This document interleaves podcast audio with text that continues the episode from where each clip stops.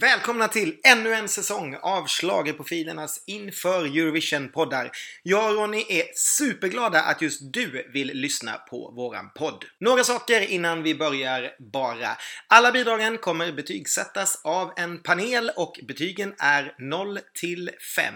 Vi kommer inte spela hela låtarna här i podden, det har vi inte rättigheter till. Men självklart har alla som är med i panelen hört hela låtarna. Självklart kommer vi rabbla en massa kul fakta i varje varje podd. Men ni kan även gå in i bloggen och läsa ännu mera om alla deltagare och alla länder. Då går ni bara in och klickar på Eurovision 2018-fliken längst upp till höger och sedan kan ni välja vilket land som ni vill veta mera om. Jag vill också förvarna lite om att mitt uttal av europeiska namn inte riktigt är vad det borde. Jag hoppas ni kan ha lite överseende med det. Tack och förlåt redan på förhand. Fem poddar har vi gjort 2018. Se till att inte missa någon. Gå in och följ oss på iTunes och skriv gärna en kul kommentar om ni gillar det vi gör. Och håll ett öga på bloggen såklart. Nog snackat, nu kör vi!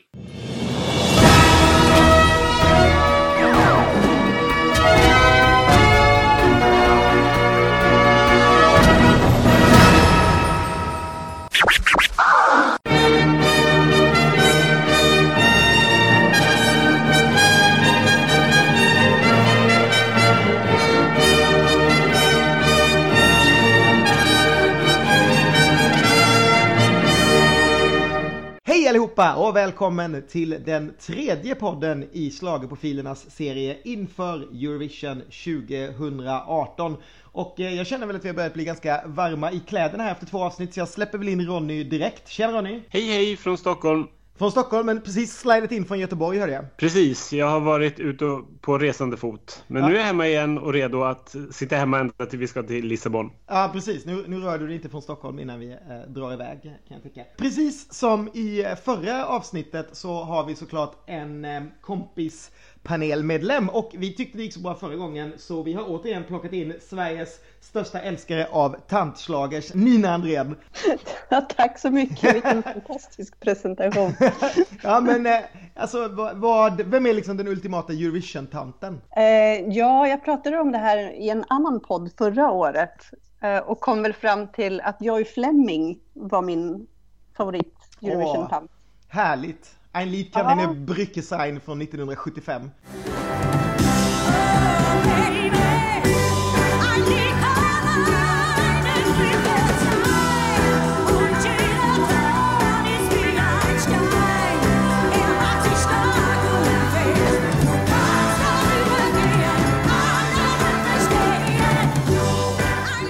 Och grejen var ju att hon var ju inte egentligen en tant, för hon var ju inte så gammal. Hon var väl yngre än vad vi är. det, är det, ja, men det där orkar jag inte ens med. Hon var säkert, hon var säkert tio år yngre än vad vi är, men eh, hon var ändå en tant. Ja. Eh, så härligt. Eh, älskvärd tant. En älskvärd tant. Du är så välkommen här igen. Tack så, så mycket. kul att ha dig med, kul att ha dig med. Eh, och till skillnad från de två tidigare gästerna som vi har haft i de tidigare programmen så är inte det här en Eurovision-deltagare men det här är faktiskt personen som har rekord i antalet deltagande i Melodifestivalen på 2000-talet. Ingen har varit med mer eh, än vad han har varit och mellan 2000 och 2007 så var han faktiskt med i varenda Melodifestival en gång som mellanakt dock. Och 2015 så såg han till att det inte en enda Eurovision-bög som kommer till Stockholm kan vara där utan att någon gång på Grindr skriva möt mig i Gamla stan. Välkommen Magnus Karlsson! Underbart, hej! Tack så mycket! Hej! Kul att ha dig här! Ja, det här är ju skitkul. Det här ska bli jätteroligt. Vad, vad är ditt förhållande liksom till, förutom alla mellogrejer såklart och du har försökt komma dit, till Eurovision liksom? Vad... Uh, när jag var liten så var Eurovision och Melodifestivalen typ det viktigaste i hela mitt liv och jag kunde alla Eurovision-låtar. Men nu när man har lagt på sig några år i alla fall.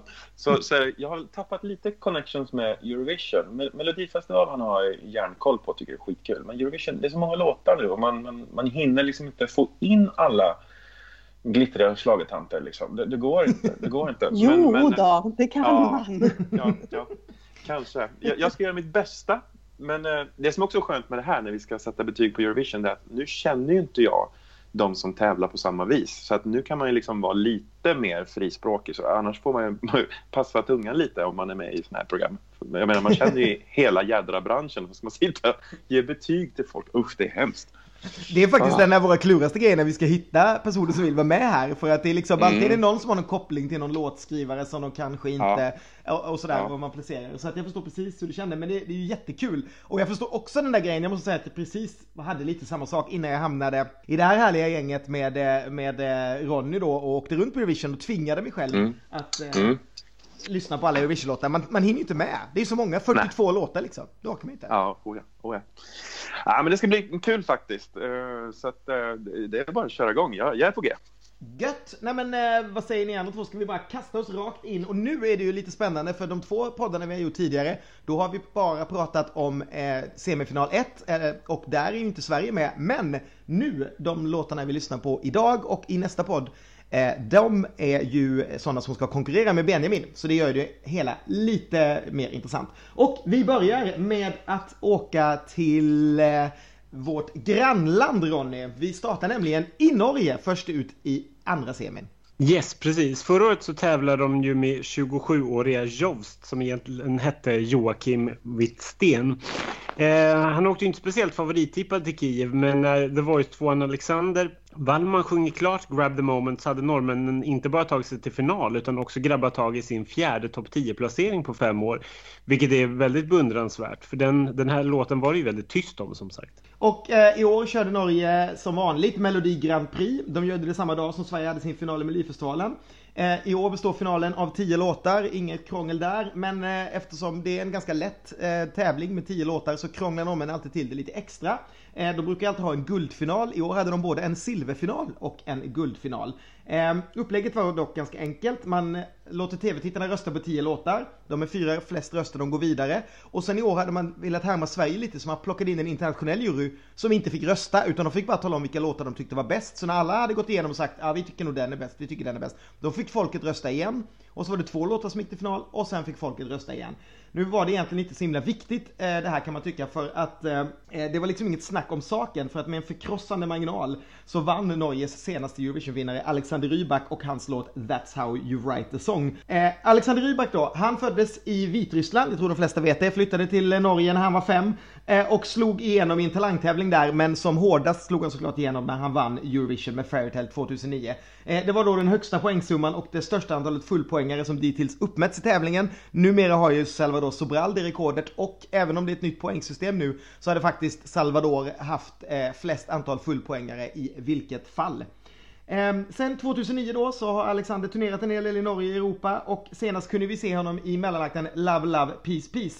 Ehm, och har ni den lite i bakhuvudet så kanske ni känner igen något av det när vi nu ska lyssna på That's How You Write A Song med Alexander Rybak.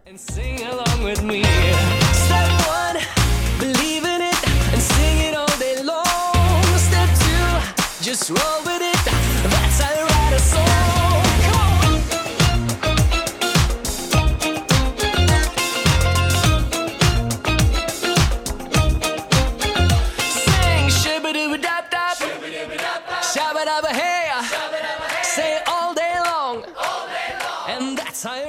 song.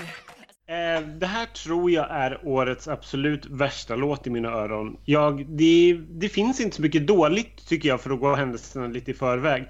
Jag tycker alltid, allting i år är, går från liksom godkänt till riktigt, riktigt bra. Men det här tycker jag verkligen är helt vedervärdigt. Jag hatar den här typen av så här självgod, lite funkpop. Jag tycker att han är vedervärdigt självgod när han skuttar runt och gör det här numret. Det är så taffligt gjort. Jag vet inte om de ska ha de här, med de här animeringarna som är i uppträdandet i Norge. Ska de ha med det i Eurovision? Jag tror det. Jag tror att det är väl meningen. Det vet vi inte men det tror jag säkert för det får man ju göra. Man får ju bara göra saker i rutan men man får inte göra det. Det, Eh, det ja. här just att, att låtsas spela på de här liksom tecknade instrumenten, det är så taffligt gjort. För man vill väl antagligen göra vad Måns gjorde då, men där Måns timing var perfekt så är det här bara liksom så slafsigt gjort att han trycker liksom nedanför tangenterna när han spelar pianot och så.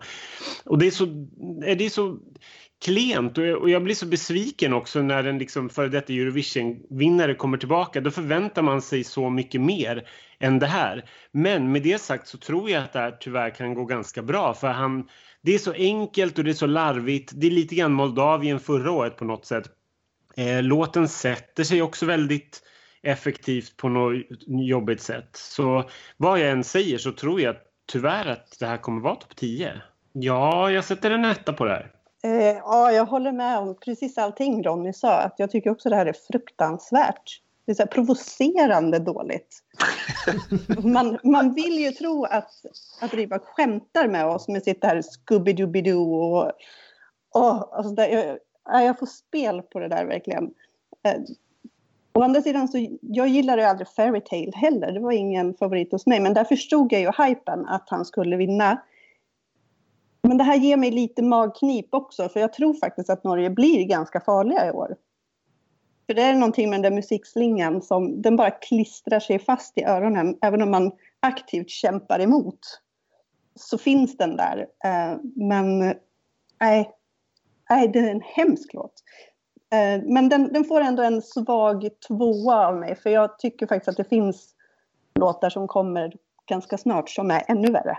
Alltså jag håller ju med lite så. Jag gick ju ut på nätet dagen efter han hade vunnit för jag var fruktansvärt nyfiken på vad han skulle komma upp med och då, då var det en sån här ögonbrynshöjare att wow, det kommer en discofunk-låt. Man, man trodde att han skulle komma med någon folkmusik, knätofs-pop liksom, så kommer det här. Eh, det värsta är att det här är min sån här guilty pleasure-låt för att när jag hade hört den en gång så gick jag hela jädra dagen och sjöng den.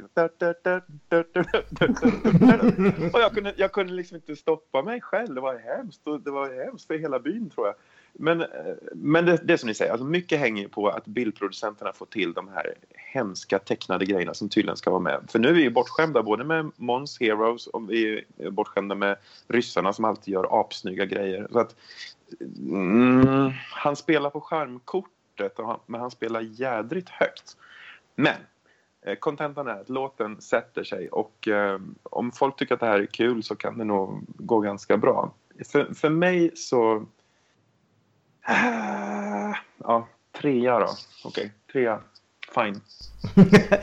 Alltså, jag, jag behöver inte säga någonting jag- och jag känner mig lycklig över att, att jag ska åka till Portugal med Ronny. Vi är väldigt, väldigt överens här. Eh, det här är ju verkligen liksom allt du kände för Jamala och Salvador Sobral ihop Ronny skulle jag säga. Alltså det är verkligen... alltså det, jag tycker att det är så fruktansvärt. Jag har gett, alltså jag, älskar ju disco på något sätt men just när det bara blir funk av det och det här Scooby, alltså jag tycker det är fruktansvärt och det här That's how you write a song. Nej, det här är hur du skriver liksom en signaturmelodi till Trasan och Bananer typ. Det är liksom, det är den typen av, av slinga.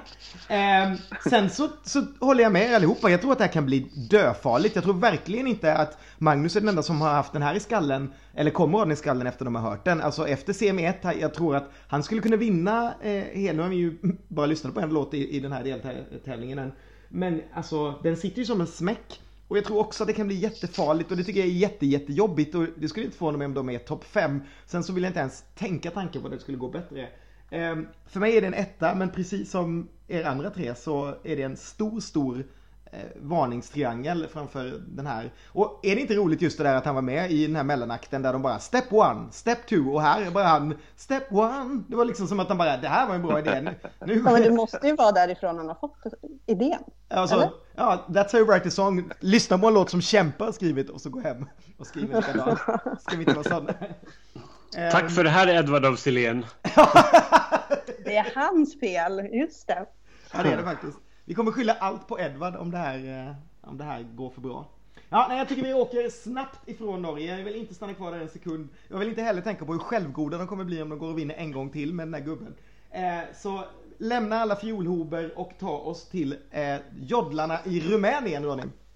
Ja, för efter den nesliga diskningen i Stockholm så kom Rumänien tillbaka med full kraft till Kiev där Ilinka och Alex Florea joddlade sig till landets bästa placering sedan bronsmedaljen 2010.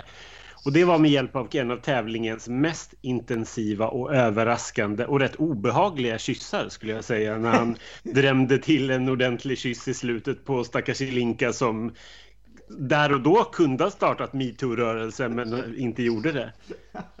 Precis. Eh, Rumänien i år eh, hade en tävling som bestod av sex stycken tv-sändningar, precis som Mello. De hade fem semifinaler med 12 låtar i varje och så en final.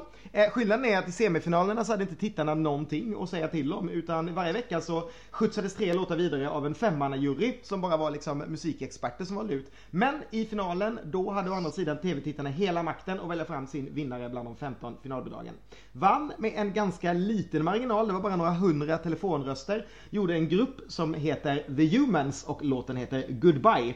The Humans, de är ett band med eh, sex medlemmar. Eh, sångerskan som är den som syns mest heter Kristina Karamarko. Och eh, fyra av dem hade tidigare under tio år ett band som hette Jukebox. Men nu när de skulle vara med så plockade de in två personer till för att bli ett sexmannaband. Så det är härligt som man blir till Eurovision när man får vara sex personer på scen. Eh, här har vi The Humans med låten Goodbye för Rumänien. I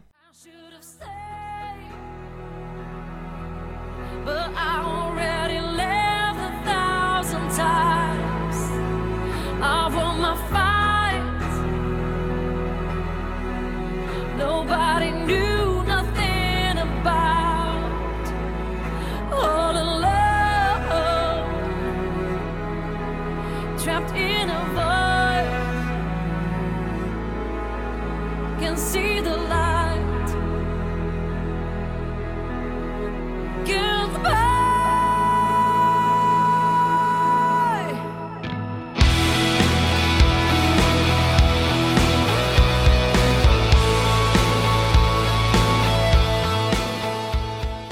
Ja, om vi ska börja på plussidan så tycker jag ändå att sångerskans röst är väldigt bra. Det är lite så här Bonnie Tyler-hållet på henne, lite så här varm och fyllig.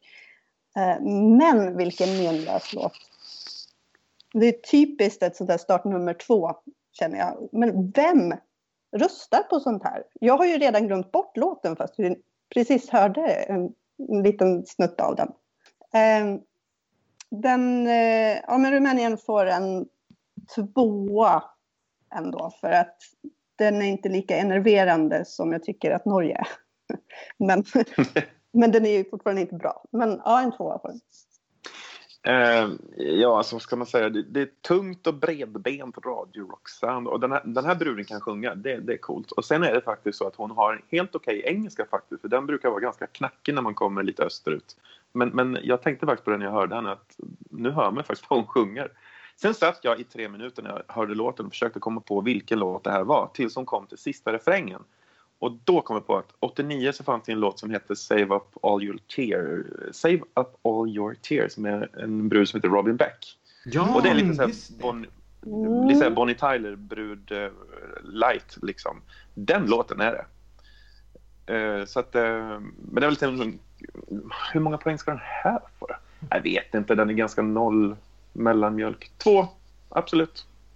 Mm. ja, Det är så roligt för att jag tänkte mera på så här Heart eller på de här låtarna som eh, och vad hette, eh, Jim Steinman Ja. skrev till liksom Meatloaf och Celine Dion, alltså de här eh, It's all coming back to me now och eh, ja. Eh, Men du kan ju inte jämföra It's all coming back to me now med den här skiten. Nej men, nej men det är samma skola, hon vill ju vara där känner jag liksom. Eller, Ja, jo, ja, då. och han, skrev ju han, han skrev ju också Total Eclipse of the Heart. Det var ju han liksom som skrev alla de här pampiga. Så det, den där, det är väl liksom den där Bonnie Tyler-kopplingen också som jag känner där. Alltså jag tycker så här, jag tycker inte detta är helt dåligt men det är ju som Nina säger, det är väldigt, väldigt anonymt. Eh, sen så tycker jag det är lite orättvist för hade den här, hade Rumänien varit i första del i eh, semifinalen då hade det deras, här, de, går ju, de har ju alltid gått till final. De har varit i final varenda gång som de har tävlat. Eh, denna gång de inte har varit i final det var ju då när de blev diskade. Eh, så att, men, och jag tror faktiskt de kan gå till final ändå fast Christer har tryckt dem på eh, start nummer två. Eh, Men hade de varit i ettan då är jag ganska säker på att den där sviten kanske hade brutits. Men som sagt, jag tycker inte att det här, jag tycker inte att det här är helt dåligt. Det, men det är nog för att jag får den där eh, Bat out of hell-vibben på något sätt. Så jag, jag sätter nog ändå en svag trea på det här eh, faktiskt, ändå. Mm.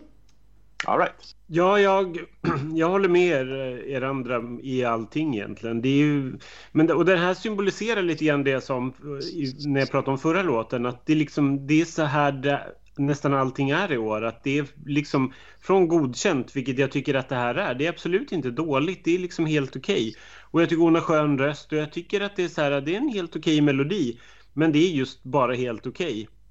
Sen hur det går, det är ju omöjligt att säga. Men jag tror, att det, jag tror också att det tar sig till final, men jag tror att det hamnar på plats 15 eller 17 där eller någonting. På något helt menlöst liksom. Eh, om, ja, en tvåa. Skicka hellre så här människor som joddlar, snälla Rumänien. Det är mycket roligare när ni är sådär än när ni försöker vara liksom, försöker vara seriösa, rockiga. Nej, det gillar vi inte. Mera, mera joddlare. Eh, ja, då flyger vi från Rumänien och kraschar ner i Serbien. Tre fjuttiga poäng var allt som skilde Tiana och hennes Interdeep från danska Anja i semifinalen i Kiev. Eh, och det betyder ju att Serbien hamnade 11 och fick för endast tredje gången genom Eurovision-historien finna sig utanför finalen. Mm, så i år plockade fram sitt gamla format Beovicia som har legat i malpåse då sedan 2009. Eh, och det här formatet det består av en enda final och där vinnaren utses genom 50% jury och 50% tv-tittarröster.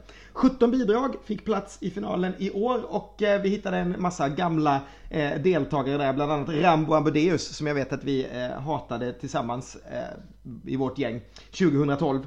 Eh, Men både juryn och tv-tittarna, de var helt överens om att vinnaren, eller ja, vinnarna, skulle heta Sanja Ilk och Balkanika. Alexander, eller Sanja då som han kallas, Ilk, han är en serbisk kompositör, keyboardist och arkitekt. Och han har faktiskt redan tävlat i Eurovision och då för Jugoslavien. Eh, då var han låtskrivare till låten Halo Halo som framfördes av gruppen Aska 1982. Men 1998 så startade han då sin folkmusikgrupp Balkanika och eh, målsättningen för den här gruppen är att bevara, återuppliva och modernisera serbiska medeltida och bysantinska musiktraditioner. Det är väl härligt. Eh, låten som de ska framföra i Lissabon den heter Nova Deka som betyder nya barn och jag älskar all märklig information som man kan hitta på Eurovisions officiella hemsida. Här kan man bland annat hitta då att Sanjas fru som har varit med och skrivit låten, hon jobbar eh, som terapeut där hon använder musik i sitt arbete och hon har släppt två album som heter Music of the Spheres och Wisdom of the Forest. Vilket jag tycker låter jätte Härligt och knäppt och knasigt. Men det behöver vi inte tänka på nu, för nu ska vi lyssna på Nova Deka, Nya Barn med Balkanika och Sanja Ilk. Svet je naš i vreme prestaje da žuri kad si sa mnom ti Svet je naš i osmehom se budim zato što postojiš ti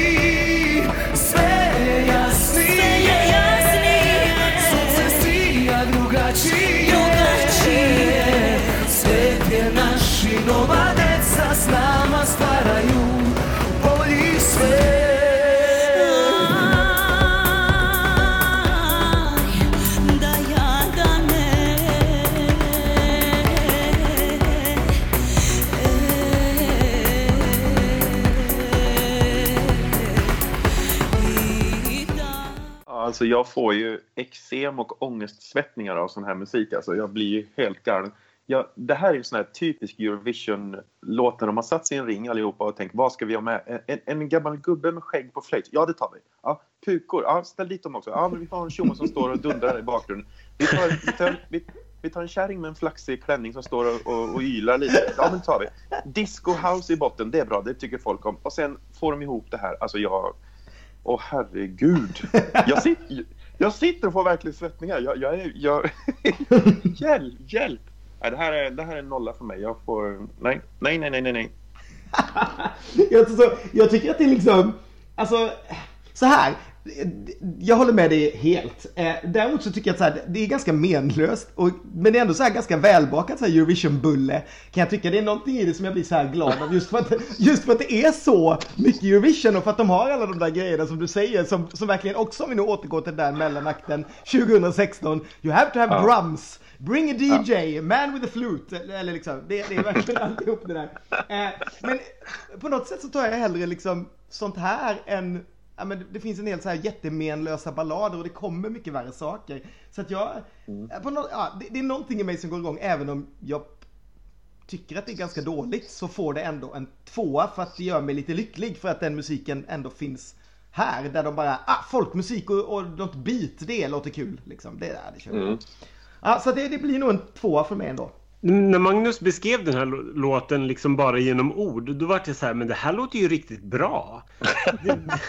Nej, nej, nej. Jo, men med alla de här inslagen, då tycker jag att det låter så här härligt. Men sen så hör man ju låten och det, då känner jag bara, men det här har vi hört förut på något sätt. All, det här har ju varit med. Liksom, det finns alltid en sån här låt som är med i Eurovision.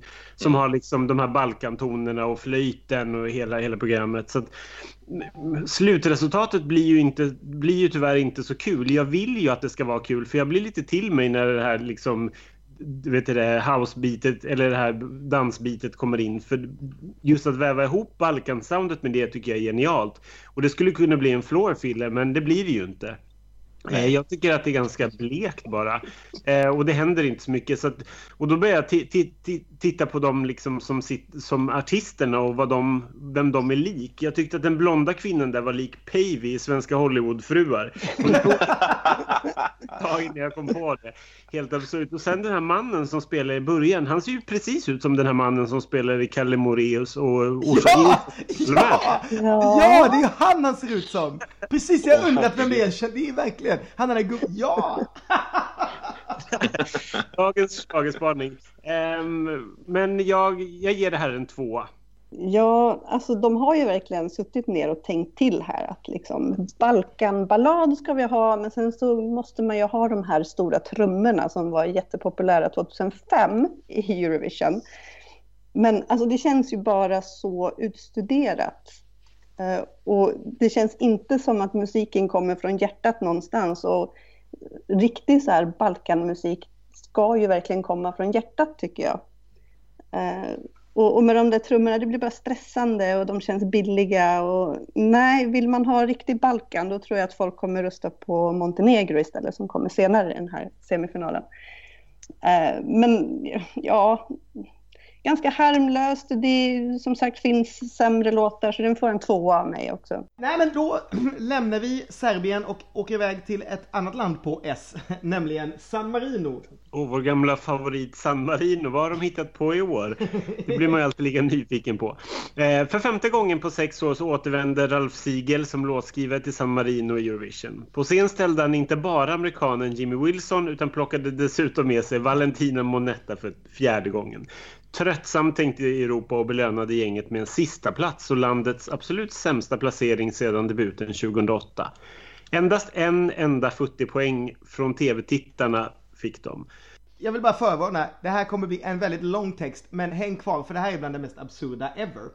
Alltså tv-bolaget i San Marino, de samarbetade i år då med ett brittiskt företag för att skapa ett helt nytt format som hette One in 360. Och det gick helt enkelt ut på att man skulle låta internet eh, göra jobbet. Så man lät människor över hela världen slåss om att bli San Marinos kandidat. Man fick ladda upp sitt bidrag på en webbsida, vem som helst i hela världen, och sen hoppas på att bli uttagen. Eh, 1050 bidrag kom in, eh, 11 artister valdes ut.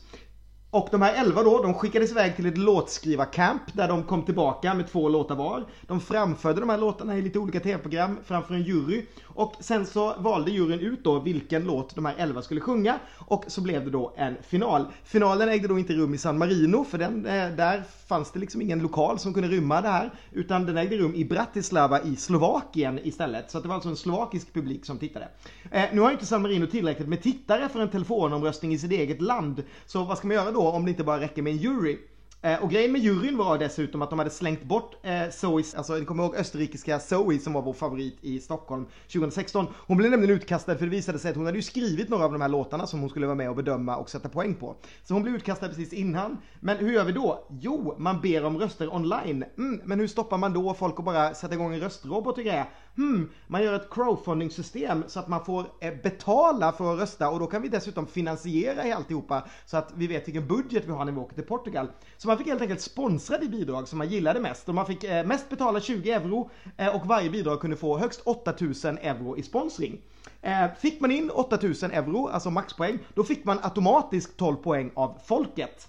Eh, fick man inte in 8000 då fick man dela liksom på poängen som blev över. Så att eh, fem bidrag fick in 8000, alla de fick 12 år och resten då, då fick de 5, 4, 3, 2 och 1 eh, att dela på. För de fick, ja. Så det var så folkets poäng.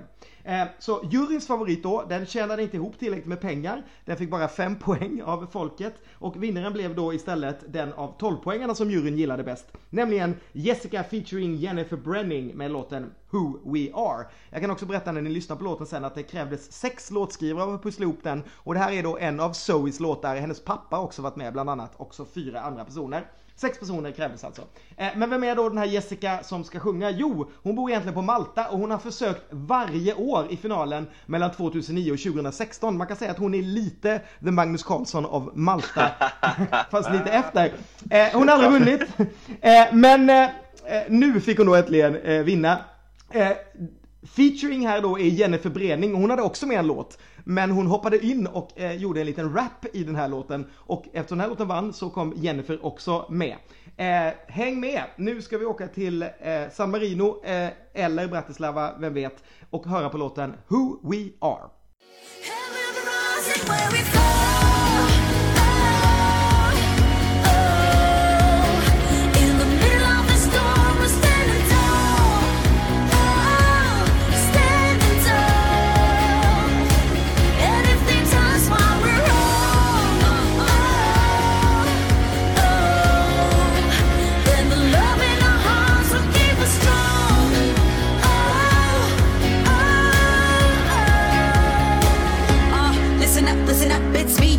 What you get is what you see, and that's for Jess over here. She's a special VIP, so you better listen carefully. Alltså, jag vet inte riktigt var jag ska börja fiska i hur illa jag tycker om det här. Eh, om det är liksom dels det där att San Marino är en sorts up for grabs-land som vem som helst bara kan ta. Lite så här. Visst, Luxemburg var ju så i starten av Eurovision att de tog in lite så här stora franska artister som fick tävla för Luxemburg och sådär. Men San Marino har ju verkligen bara blivit, vem betalar mest pengar så kan ni få den här platsen gratis. De har ingen folk som kan rösta, de har ingen folk som kan sjunga mer än Valentina och nu har hon varit med 67 gånger så att det är liksom, ja, det, det är väl stopp. Och Låten, jag orkar inte ens, den handlar alltså om mobbing Men det är ju obviously en människa som aldrig blivit mobbad i hela sitt liv För den är ju bara så här glad och jättefylld av klyschor eh, Och sen kommer den här rappen in då som får liksom Mel B i Spice Girls och känna som Jay-Z Jädrar liksom, så fruktansvärt taffligt Och om inte allt det här var nog så har liksom de här sex låtskrivarna bara liksom plockat Heroes rakt av i, i refrängen. Na, na, na, na, na, na, na. Man bara... Åh! Nej, det här, det här är årets sämsta låt. Eh, Den får en stor fet nolla från mig. Ja, jag... Ty... Ja, jag... Jag vet inte vad jag ska säga om det här. Det, det, mest, det är ju så menlöst bara för att det är precis som du säger att hon sjunger ju bara massor med saker som inte betyder någonting. We are who we are and, and what we become eller vad det är liksom. Det är så här, det, det säger ju ingenting om någonting. Eh, det, är- det är väldigt menlöst. Jag tycker inte att det är jättedåligt. Alltså, melodin har ju någonting i alla fall. Men den här rappen här eh, är jag väldigt tveksam till. För hon kommer ju inte in så mycket. Hon kommer bara in lite grann och sen stövlar hon omkring där bakom henne fram och tillbaka utan att göra någonting. Så jag är jättenyfiken på hur de ska lösa det här till, till Lissabon. Hur det, hur det ska kunna bli någonting av det på scen. Eh, men du har ju helt rätt. Alltså San Marino fortsätter ju bara på, på sin liksom resa rakt ner i helvetet musikaliskt. Det är verkligen så, så menlöst och jag förstår inte hur man, kan komma, hur man inte kan komma fram till någonting bättre något år. Eh, det får i alla fall en etta för, för det är i alla fall okej, en okej melodi. Mm. Nina? Och vem trodde att man skulle börja sakna Valentina Monetta och Ralf Siegel? Eh, nej, alltså det här känns ju som om, om man skulle låta Saturday Night Live göra en parodi på vad som gör Eurovision tuntigt. Då skulle det låta ungefär så här tror jag. Eh, och, och studioversionen, den, den är lyssningsbar om man säger så. Men jag har ju hört det här live. Och de här tjejerna de kan ju inte sjunga för fem öre. Det, det låter verkligen fruktansvärt. Eh, så jag håller med Ken här. Det här är faktiskt en nolla. Oj. Ja, jag, jag tänkte tvärtom. För att jag, men jag måste ha hört skivversionen. För att där tänkte jag liksom jädra hon tar i och hon prickar tonerna och sådär. Men med andra ord så är det då en liten dator och ganska många tagningar som ligger till grund för skivan. Då. Japp. Så det här ska bli väldigt intressant när de ställer sig och kör live. Och sen är jag väldigt glad att hon den här rapbruden som kommer in i mitten där, att hon inte är en sån här ilsken människa som bara går ut och ser förbannad ut och ska liksom skalla kameran och hålla på och fånas utan det kommer ut en vovavovom-brud liksom, i höga klackar och hår. Så att jag gillar, gillar outputen, att de inte gick åt det hållet, kör liksom rap-attityden så. Och, men sen vet jag sjutton alltså, om de tar med sig de här två så, små robotarna som de hade på sin uttagning. Det är sån här riktiga 1990 robotvariant som står och dansar någon jävla fjompig dans bredvid. Alltså, det funkar inte i dagens samhälle att, att köra ett nummer och tro att man går i mål på sånt här. Och så här, ja, ta ingen skittema, var stolt över dig själv. Det är grymt utstuderat. Så att, nej. nej, det här kan kvitta för mig. Det, det är en liten, en liten etta då. Okej. Ja, för att de är snygg. Får nog rapbruden är snygg. ja, då, då låter vi de där två poängen som det här fick totalt tillhöra den där eh, rapbruden tycker jag. Jennifer, Jennifer Brening, grattis. Du har fått två poäng av vår panel. Nej, jag tycker vi lämnar det här pluttlandet och åker till ett, eh, Nordens lilla egna pluttland, nämligen Danmark. Äntligen ska vi till Danmark, mitt, min gamla Eurovision-favorit som alltid som brukar leverera. Tyvärr har det inte gått så bra de senaste åren. De hade två år där de inte kom till final och förra året så gick ju visserligen Anja Nissens Where I Am till final men där hamnade hon på en inte alltför smickrande 20 plats. Nu hoppas vi att Danmark är tillbaka tillbaka där de ska vara. Eh, tio låtar tävlade i årets omgång av danska MGP. Tre av dem gick till en superfinal och där vann slutligen låten Higher Ground med Rasmussen en förkrossande seger. 50% av alla röster, den fick 30% av alla EU-röster och 20% av telefonrösterna. Det intressanta här är ju då att Linus Svennings manager snabbt gick ut och berättade att den här låten hade minsann varit inskickad till den svenska juryn men ratas, ratats. Och då tänker vi schlagerfans direkt på vad som hände 2010 när Sverige för första gången missade finalen i Oslo och Danmark kom fyra med historiens mest kemilösa duett men den hade också varit inskickad till den svenska juryn och varit eh, ganska högt där men eh, ratats. Eh, High Ground är skriven av Melodifestivalveteraner, nämligen Niklas Ahn och Carl Eurén. Det är ju männen bakom eh, Ronny-klassiker skulle jag vilja säga, En gång för alla, Värsta slagen och Kom med Timotej.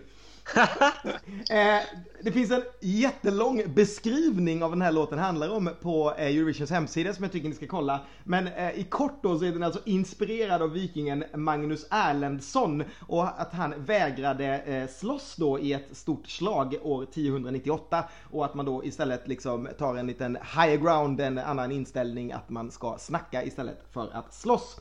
Eh, killen som sjunger, Rasmussen, han heter egentligen Jonas Flodager Rasmussen. Han är en 33-årig dansk skådespelare och eh, lite sångare i ett coverband som heter Hair Metal Heroes. Eh, han har studerat drama och musik och arbetar numera som lärare och röstcoach. Eh, här har vi Rasmussen och Higher Ground. each of their own accord. Oh, oh, oh freeze the arrow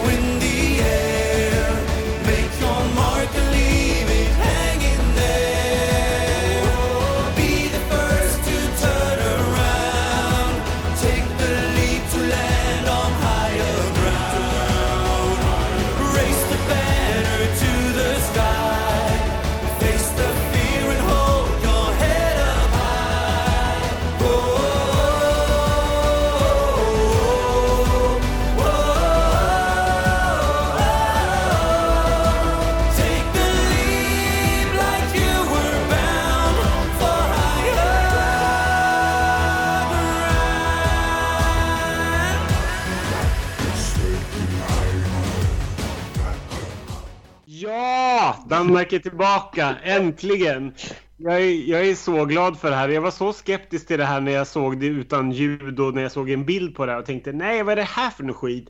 Sen hörde jag låten och blev helt lycklig. Jag tycker att det är jättehärligt. Äntligen är det, är det liksom slag, det är en melodi. Jag tycker att det är, så här, det är medryckande, det är pampigt. Jag tycker att det är originellt och lite kul också. Att man kör någonting så här Game of Thrones som Eh, de flesta i Europa eh, känner till. Ehm, jag, jag, jag gillar det här jättemycket. Jag hoppas att det går bra. Jag tror att det skulle kunna funka för att det, det är väldigt effektivt. Um, och sen tycker jag att det är lite kul att han verkligen ser ut som den här skådisen i, i Beck. Ju. Den här, Ja, han, som, han som också är med i Game of Thrones. De är ganska lika på något sätt.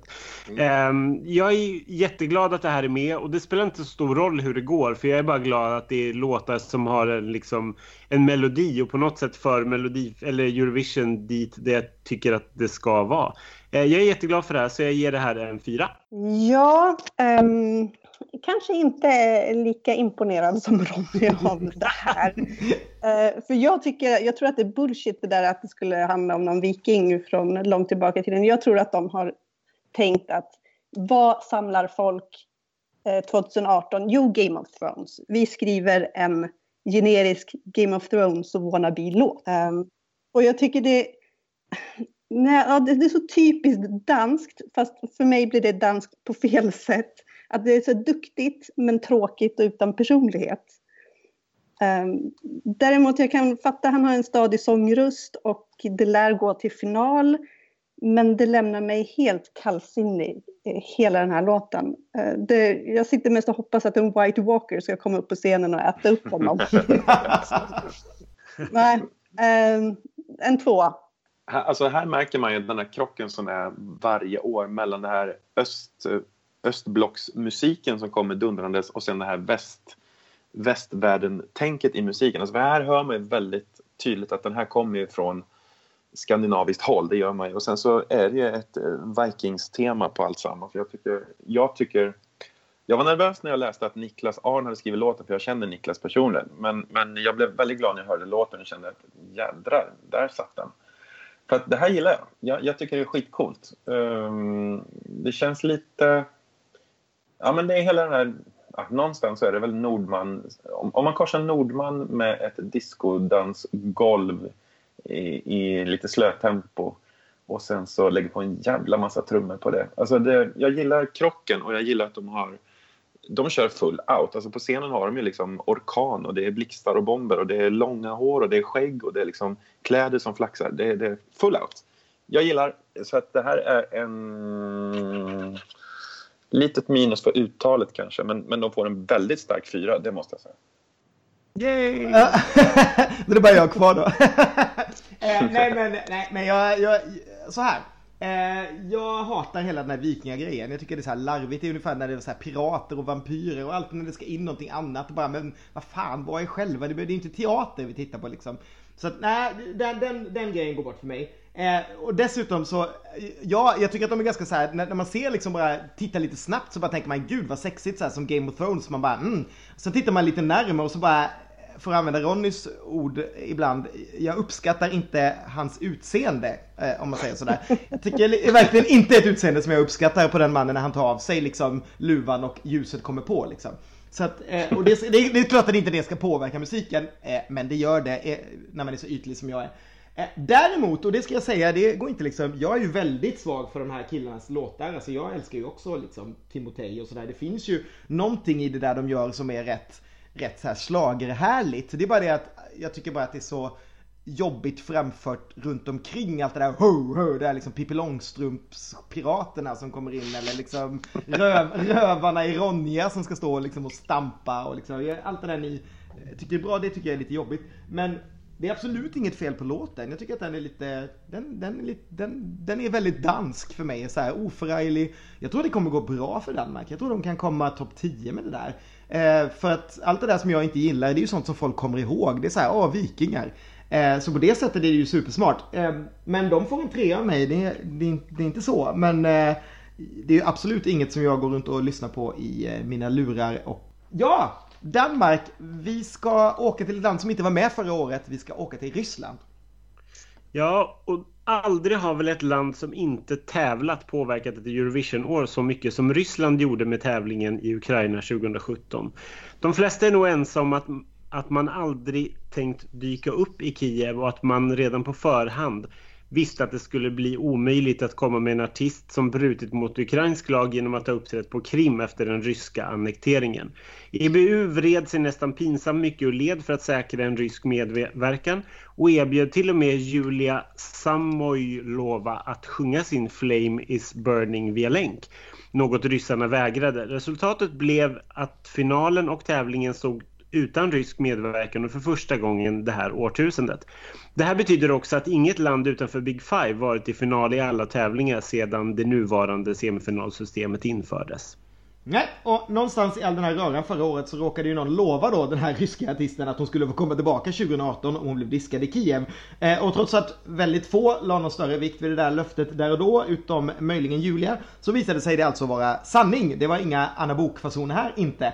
Utan i år valde Sonica, det ryska tv-bolaget, att skicka Julia Samoylova med en, en nyskriven låt som heter I Won't Break. Skriven av exakt samma trio låtskrivare som skrev Flame is Burning i fjol. Och så, vem är den här 28-åriga Julia då? Jo, hon slog igenom 2013 när hon kom tvåa i den ryska upplagan av X-Factor och året efter så fick hon sjunga på öppningen av de paralympiska spelen i Sochi. Eh, som barn så började Julia förlora funktionen i benen på grund av en ryggmärgsatrofi och eh, hon har suttit i rullstol sedan dess. Det behöver vi inte prata om nu, nu ska vi istället lyssna på låten. Här har vi I Won't Break med Julia Samoylova.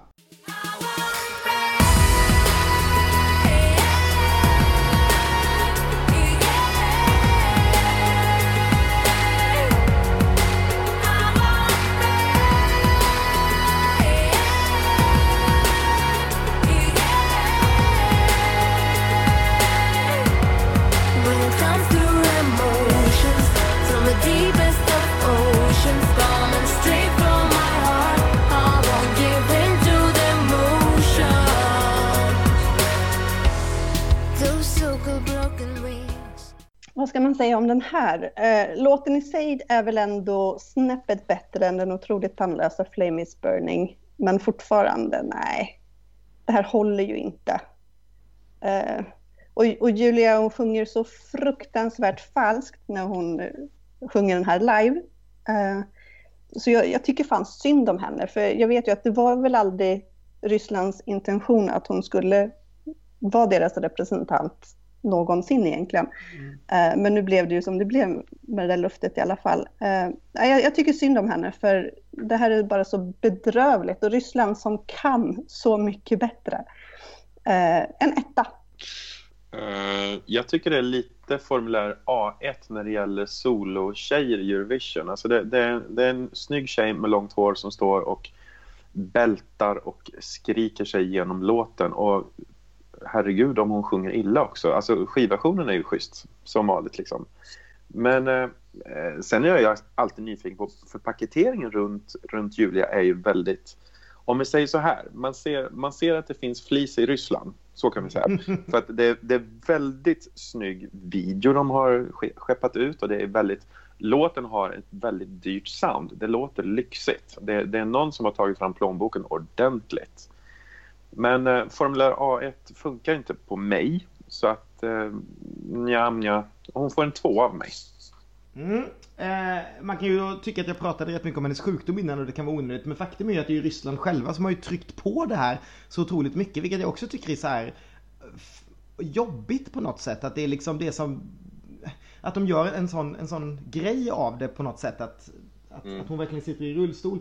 Eh, och som Nina säger, hon kan ju faktiskt inte sjunga tjejen heller. Och nu, nu använder jag alla fördomar jag har, men det känns ju lite som att det finns någon väldigt rik familj eller pappa bakom det här som har liksom fått fram. För tyvärr är det ju så att eh, Ryssland är ju ett fruktansvärt land för människor med handikapp. Eh, och att det här, eh, på något sätt att hon lyfts fram som titta vad, vad liksom, att vi är jätteduktiga. Det, det finns något osmakligt i det där. Sen om vi bara ska prata om det musikaliska så tycker jag att det är verkligen som du säger Magnus, det är så mycket standard. Eh, det är inte liksom, visst det, det är ju säkert kompetenta låtskrivare och som Nina sa, det är bättre än förra året. Men gud vilken tråkig låt det här är. Hade inte det här varit Ryssland, då hade jag ju absolut sagt att det här skulle komma bland de typ tre sämsta i den här eh, deltävlingen. Nu vet man inte, men faktum är att, att eh, jag menar Grekland som vi aldrig trodde skulle missa en final har ju lyckats göra det. Det här kan faktiskt också eh, för första gången någonsin vara Rysslands biljett utanför finalen skulle jag gissa. Eh, ja, det får en etta av mig. Ja, jag ger också det här en etta. Det, det, alltså jag, kan, jag kan inte säga mer än vad ni har sagt. Jag håller med om exakt allting. Eh, hon sjunger verkligen vedervärdigt och låten är svintråkig. Det här är en solklar etta och det absolut sämsta som Ryssland någonsin har skickat. Ja, ord och inga visor. Vi lämnar Ryssland jättesnabbt och på ett sätt är det skönt för jag, det här året är vi ändå ganska säkra på att vi slipper åka till Moskva nästa år. Det känns som en, liksom en magknip man hade haft ganska många år fram tills vi kom till Kiev. Och nu får, vi, nu får vi ett år till där vi känner att nej. Men däremot så kommer de nog komma tillbaka av bara satan skulle jag gissa 2019 så då gäller det att hålla i hatten. Eh, men där är vi inte än utan nu är vi istället i Moldavien. Ja, eh, Sunstroke Project stod för en fantastisk comeback i Kiev. Inte bara för bandet själva som ju tidigare kommit på plats 22 i Oslo 2010 med Runaway och The Epic Sax Guy. Utan även för Moldavien som inte varit i final på tre år men som nu plötsligt fick sin bästa placering genom tiderna. Både i semifinal och i final när Hey Mama dansade sig hela vägen till en bronsmedalj. Yes, och i Moldavien så använder man eh, samma uttagningsformat som man alltid använder. Det heter O Melodie Pentru Europa. Eh, I finalen så väljer man med 50% telefonröster och 50% juryröster och gruppen Doridos de tog storslam genom att inte bara få juryns och folkets 12 De fick alltså 8 av juryns eh, 9 fullpoängare så det var nästan Carola-klass på den här segern. Doridos, de är alltså en moldavisk trio. De består av tre medlemmar som heter Marina, Eugenio och Sergiu. De har försökt vinna den här tävlingen och få representera Moldavien två gånger tidigare, 2015 2016. Eh, tog en paus i fjol, åkte till Ryssland och vann en musiktävling där istället och fick då kontakt med Filip Kirkorov eh, som skrev eh, kontakt med dem och eh, tog dem under sina vingar. Kirkorov, han är ju någon form av Eurovision eh, royalty skulle man säga. Han är ju en av Rysslands absolut största musikpersonligheter och eh, bad boys för den delen. Filip Kirkorov är ju känd i Eurovision-kretsar för sitt deltagande 1995 men kanske också för att han har spelat in en hel radda av Eurovision-låtar som covers på ryska, typ Hero och eh, La Voix och Karamia och eh, allt möjligt sådär. Han har skrivit den här låten då till den här gruppen eh, tillsammans med en svensk, eller ja, svensk-skotsk veteran, John Ballard. Han producerade ju Ace of Base men han har ju faktiskt också dykt upp i Melodifestivalen på 80-talet och han skrev ju Sergej Lazarevs You are the only one som vi eh, pratade lite om eh, innan när vi diskuterade hur bra Ryssland har haft eh, nummer på scen. Eh, vill man veta lite mer om gruppens deltagare så kan man också hitta underbara saker på Eurovision TV. Jag måste bara ta fram så här. De, de skriver så roliga saker. Marina gillar natur och djur och att dela positiv energi och goda vibbar med människor hon möter. Hon gillar däremot inte aggressioner och hyckleri. Eh, hon föredrar att leva en hälsosam livsstil medan Eugenio däremot älskar bilar men också att vila på tysta ställen. Underbart. Men alltså. Ja, ja man, kan Okej. läsa, man kan läsa massa bra saker där. Vi ska inte läsa mera, vi ska lyssna på My Lucky Day med Doridos från Moldavien.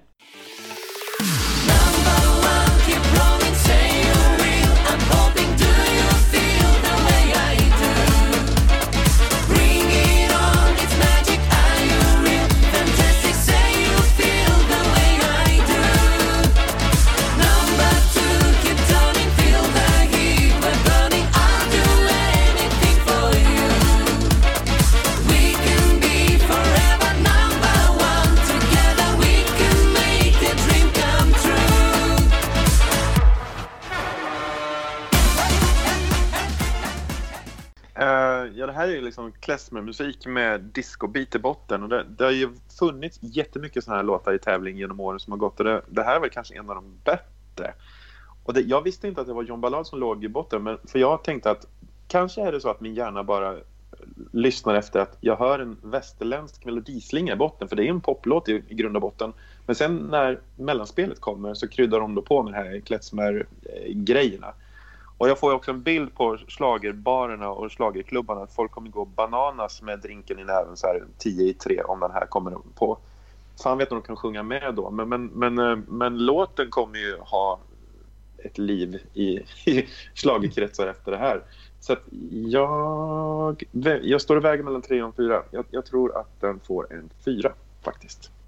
Mm, vad härligt. Jag tycker också att det är så här en sån galen, härlig, kanske lite småfånig men fantastiskt rolig andningspaus efter allt det här tråkiga som vi har hört på innan. Eh, visst, jag tyckte Danmark var okej och sådär men det här kommer ju äntligen någonting som är så här kul och som är liksom party och Eh, jag har ju sett den eh, moldaviska uttagningen som är helt fantastisk. Så här lite härligt tafflig med där de har fyra speglar som är förmodligen numret de kommer använda i Eurovision hoppas jag. Fast när de har pumpat in lite mer pengar då kanske. Eh, och när de gör den här härliga fingerrörelsen till number one. Man måste ju liksom sträcka upp pekfingret till number one. Då är man ju 100% Eurovision skulle jag säga. Nej den här låten kan jag liksom bara inte tycka illa om. Jag tycker att det är eh, superhärligt. Det är verkligen en, om man nu ska använda Guilty Pleasure så är det här en Guilty Pleasure för mig i år. En fyra för mig och eh, heja eh, Moldavien. Jag gillar faktiskt den här mycket bättre än vad jag gillade Hey Mama. Däremot tror jag kanske inte att den kommer gå lika bra men eh, jag tycker den är fantastisk. Mm.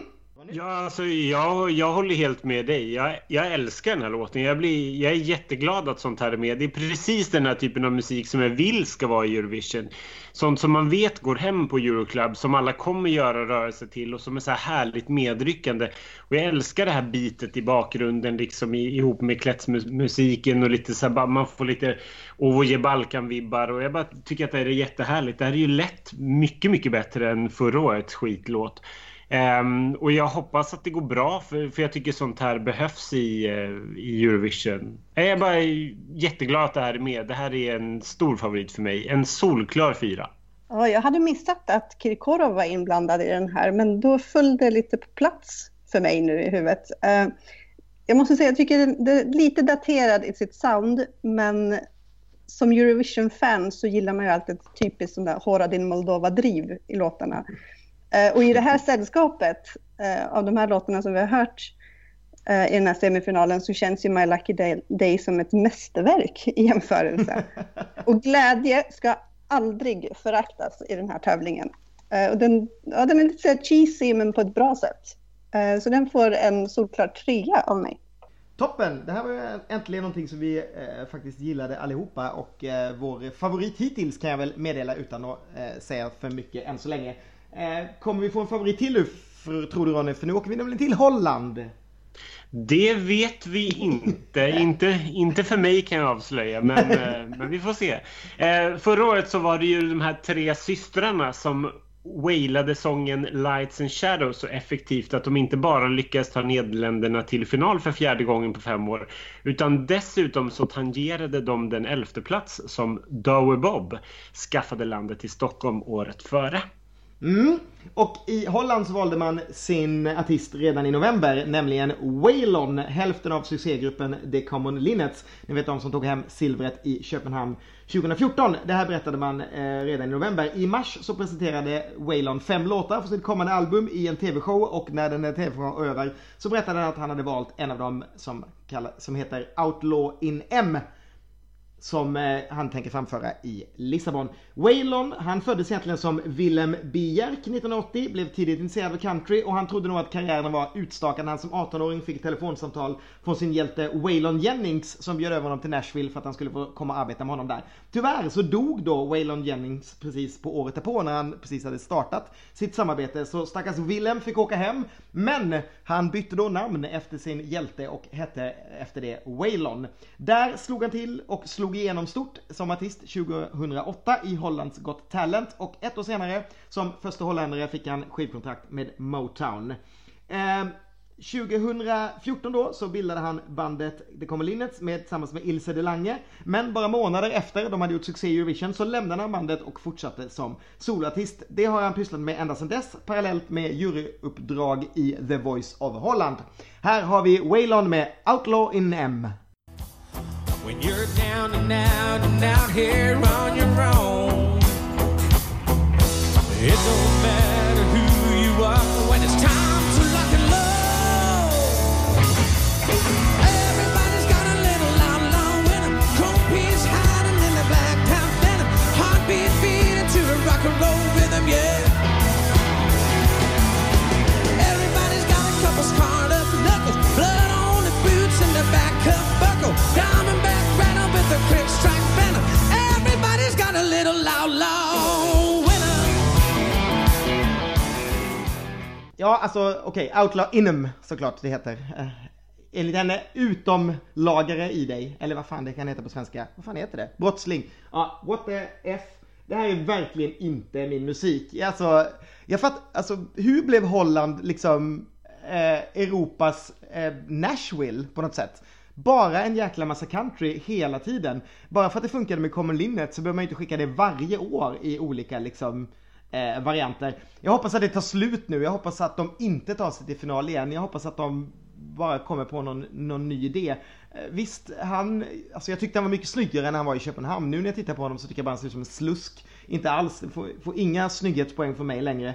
Eh, det här är visst det här är en svag semi, han är väl liksom, har väl lite av den där silverglansen kvar kanske från Köpenhamn. Det är ju rock som är en genre som jag inte riktigt har koll på. Det finns ju mera rock i den här eh, semifinalen så jag vet inte om det hjälper.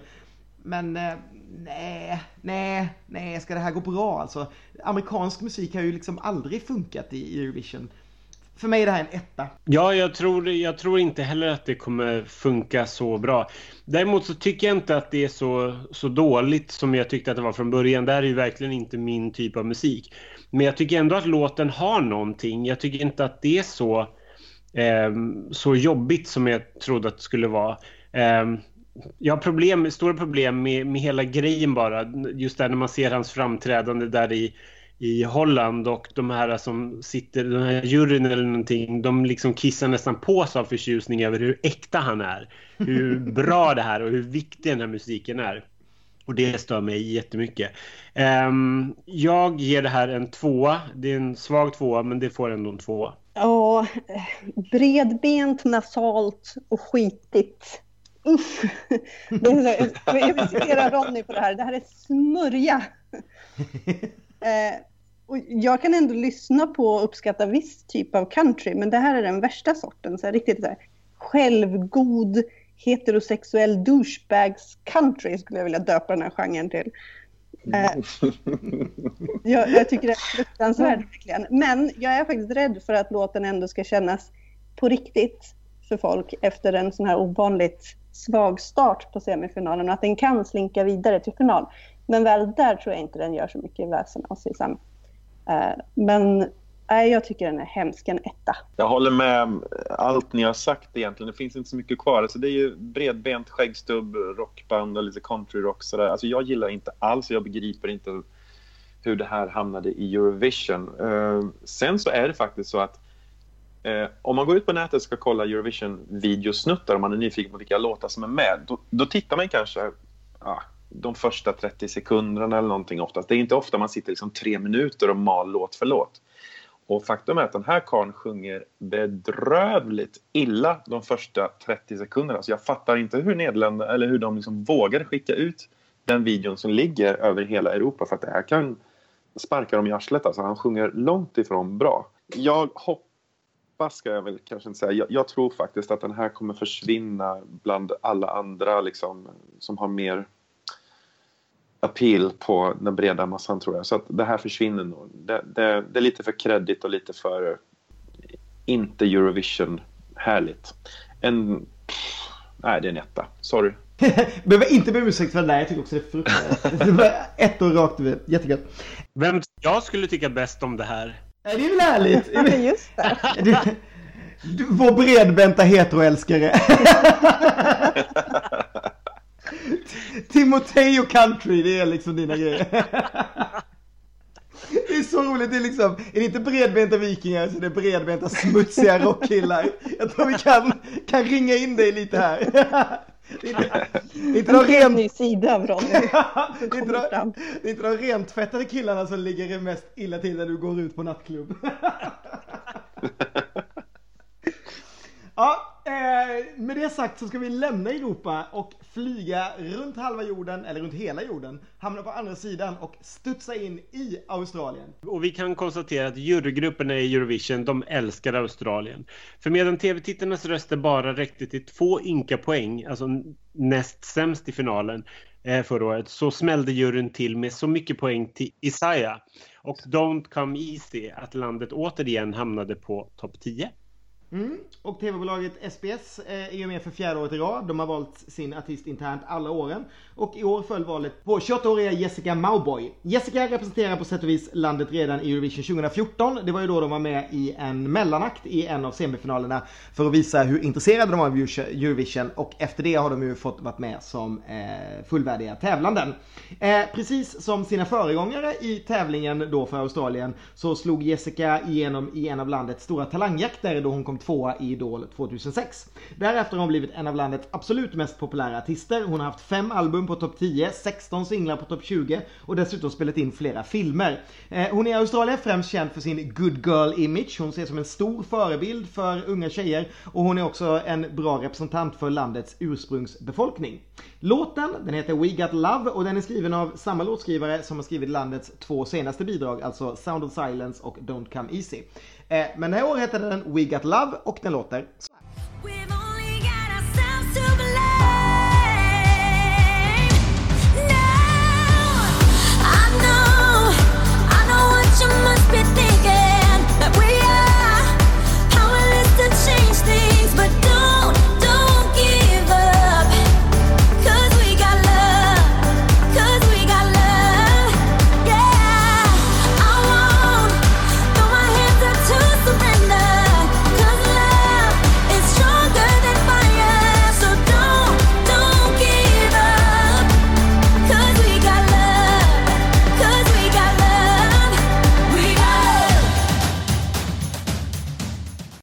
Vilken tur att jag får börja på min andra favoritlåt i den här semifinalen.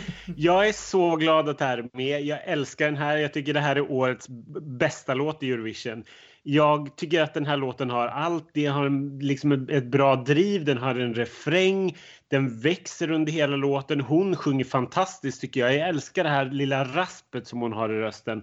Det är liksom, då tycker jag att det är som allra bäst. Um, jag är jätteglad att Australien skickar den här låten i år. Jag hoppas verkligen att det går bra. Jag tror inte att det vinner, men det är min personliga favorit. Jag ger det här en solklar femma.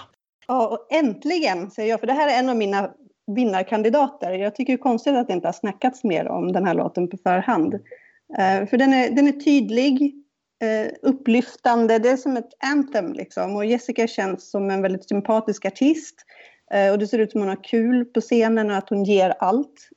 Eh, jag har känt mig lite som häxan surtant i hela det här poddavsnittet. Eh, Men nu mjuknar jag äntligen till för lite så här äkta hederlig Eurovision-pop. Och jag kan, inte, jag kan inte sätta fingret på exakt vad det är som jag tycker så mycket om. Men kanske har det någonting med att göra att det är så långt ifrån både Sobral och Jamala man kan komma i sitt uttryck. Eh, så den här hoppas jag jättemycket på och den får också en femma av mig. Eh, Jag skulle jättegärna så här långt faktiskt se att den här tar hem hela skiten. För det här är en av de låtar som jag skulle liksom dra på volymen om den kom på radio. Jag vill verkligen att den, att den får spinn på radion för att den är väldigt tilltalande, väldigt skön, väldigt den har en skön aura och hon är ju asbra. Och det är snyggt. Och det är så kul att Australien... Alltså jag, tyck, jag tycker de skickar bra låtar hela tiden och man märker att de tycker det är skitkul med Eurovision och de vill ta hem tävlingen och liksom, de anstränger sig. Och, och det märks. och det, det, här, det här gillar jag. Det här, det här får en väldigt snygg femma från mig. Ja, då får väl jag försöka balansera ner det här då, även om jag håller med er. Eh, men bara slä, slä, slä, Nej, men jag behöver, jag behöver slänga in några så här små brasklappar. Jag, jag tycker också det här är jättebra. Eh, däremot, det är snyggt, det är hittigt. Jag älskar att, Australien fortsätter skicka sina största artister. Jag älskar att de fortsätter skicka breda radiohits. Jag tycker att allting med Australien är bra. Jag är nästan, jag skulle sätta mina kalsonger på att det här är Sveriges eh, 12-poängare. För det är vi får ju vara med och rösta nu eh, på de här låtarna. Det har vi inte fått i de två poddarna vi haft innan. Men här kommer ju Sverige få vara med och rösta. Jag tror att det här är vår eh, 12 Det är väldigt mycket den musiken vi går igång på här. Dock, jag måste bara säga, anledningen till att inte det här snackas om det är ju förmodligen för att folk i Europa röstar inte på Australien. Eh, Damim var ju överlägsen juryfavorit och ändå lyckades hon inte vinna bara för att folket gav henne inte tillräckligt eh, med poäng ute i Europa. Eh, det, det verkar som att medan vi svenskar tänker mycket mer på det här är en låt, det här är en hit, så tänker väldigt mycket människor i Europa, men Australien, varför de är, de ringer vi inte och röstar på. Jag vet att det är fånigt, men, men Europa är väldigt mycket viktigare ute i Europa än vad vi tänker här. Vi tänker mycket mera efter Mello på musiktävling. Och det gör att jag tror, jag menar att Ishaya fick näst sämst i finalen. Det är ju, visst, det var inte världens topplåt och sådär, men det var ju inte näst sämst eh, förra året. Så det är därför som jag inte tror att det kommer, kommer att funka. Och sen tycker jag att de börjar bli lite på gränsen. Det här är samma låtskrivargäng. Jag älskade ju, jag tycker Damim har en fantastisk låt, men nu börjar de, det är lite som de börjar få slut på Love is stronger than fire. Jag bara, jaha, vad bra. Eh, det är, Ah, jag menar, inte för att jag, jag är ju helt inte på Salvadors Eh, sida med det här med eh, fast food music.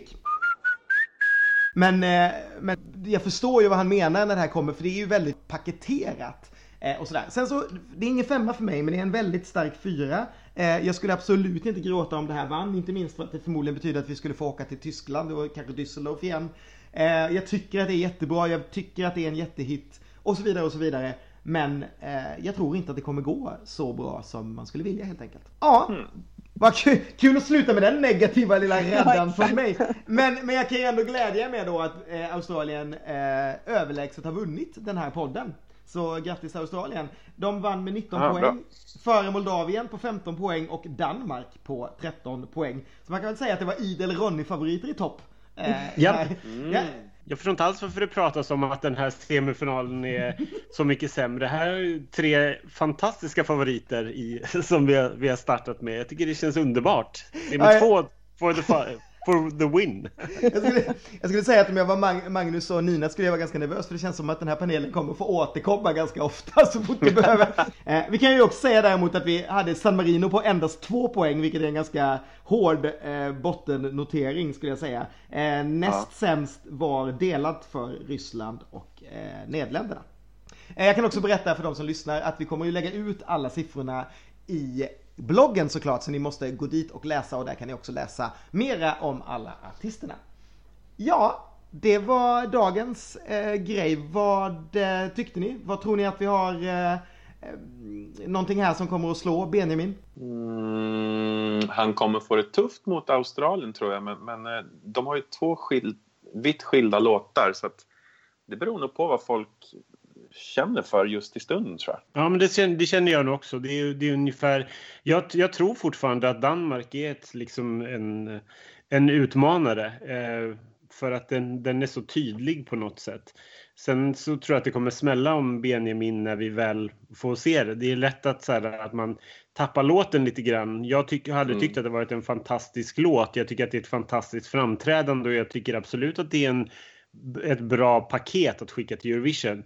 Men nu när man bara hör låten på radio så slås jag varje gång av att ja, men det är det så kul egentligen. Men jag tror att väldigt många framför tv-apparaterna kommer reagera och bara wow, här hände det när de ser Benjamin. Så att jag tror fortfarande att han är väldigt stark liksom. Mm, Det- absolut. Det, det absolut. tror jag också. Att han, han måste ju vara en topp tre i den här semin, absolut. Tillsammans med Australien och kanske Norge ändå också. Ja, jag skulle precis säga det, vi får inte glömma bort Norge här. Eh, vi var ganska, men, eller också är det det vi gör. Det där tycker jag är rätt härligt, för när vi var på Norge så var vi alla ganska nervösa för den. Men nu så kände jag lite i magen, jag var tvungen att titta på listan egentligen vad det var som, som var med i början. Och jag hoppas att folk tänker så, så att de glömmer bort Rybak. Jag ser också mycket hellre att det, att det är Jessica från den här halvan eh, som, av semin. Sen kommer det ju lite i, i nästa halva, men det ska vi prata om i nästa podd och då ska vi såklart också prata mer om Benjamin. Eh, men eh, Norge är nog den som jag är mest rädd för här eh, av de anledningarna som jag pratade om innan när det gäller Australien. Så jag tror att Norge är liksom den jobbiga biten. Jag, jag skulle vilja lämna tävlingen och bara ställa ett par frågor till Magnus. För jag blev jättenyfiken. Hur liksom, vad, vad, vad har du för något minne, Eurovision-minne från när du var yngre? Vad, liksom, vad är din så här, favorit Eurovision? Vilket år? Har du något speciellt? Alltså det, det ballaste som någonsin har hänt på en Eurovision-scen, då, då stod jag och skrek och tyckte det var så jädra coolt. Det är ju när Azucar Moreno går ut och backtracket hoppar snett och de står och blir fly förbannade och de är svarta som synden i ögonen. Och de, de ser ut som de ska liksom rappa upp första bästa människa som kommer i deras väg. Stövlar av scenen i direktsändning och liksom kräver omstart på sin låt. Alltså det är så jävla bra. Det är underbart. I love it. Yes, uh, we're applauding the tape technician now. Så det är coolt. Men när, jag var liten, alltså, när, när, Carola och Herrey och alla de där var med, liksom, då kunde man varenda låt. Då, hjälp alltså. Det, det var ju, man spelade dem runt, runt, runt. Så jag, jag ligger nog eller så här nostalgisk på 80, 80 Eurovision tror jag. Hade du något favoritland som ofta liksom återkom som du bara, men de här skickade alltid bra? Mm. Ja, jag, ja alltså jag, jag var ju väldigt kär i Afra Hasa.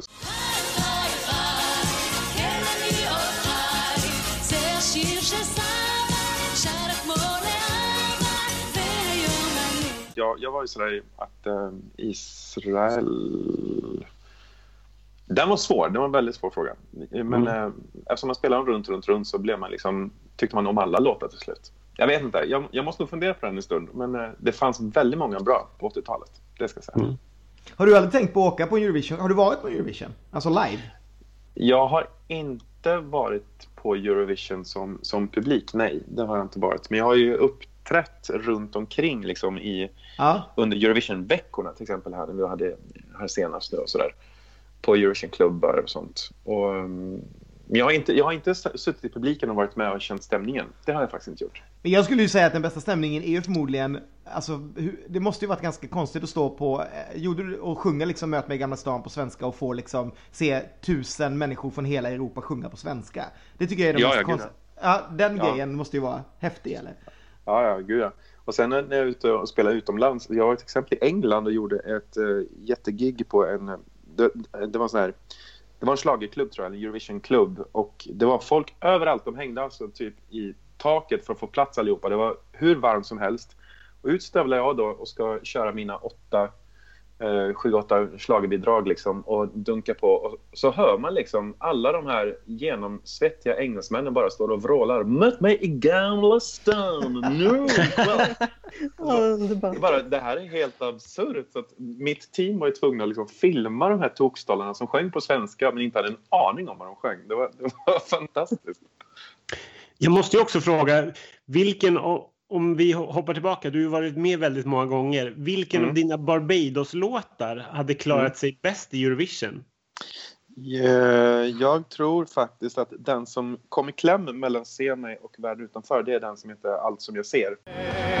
Här vill jag stanna för allt som jag ser är allt jag vill ha. Jag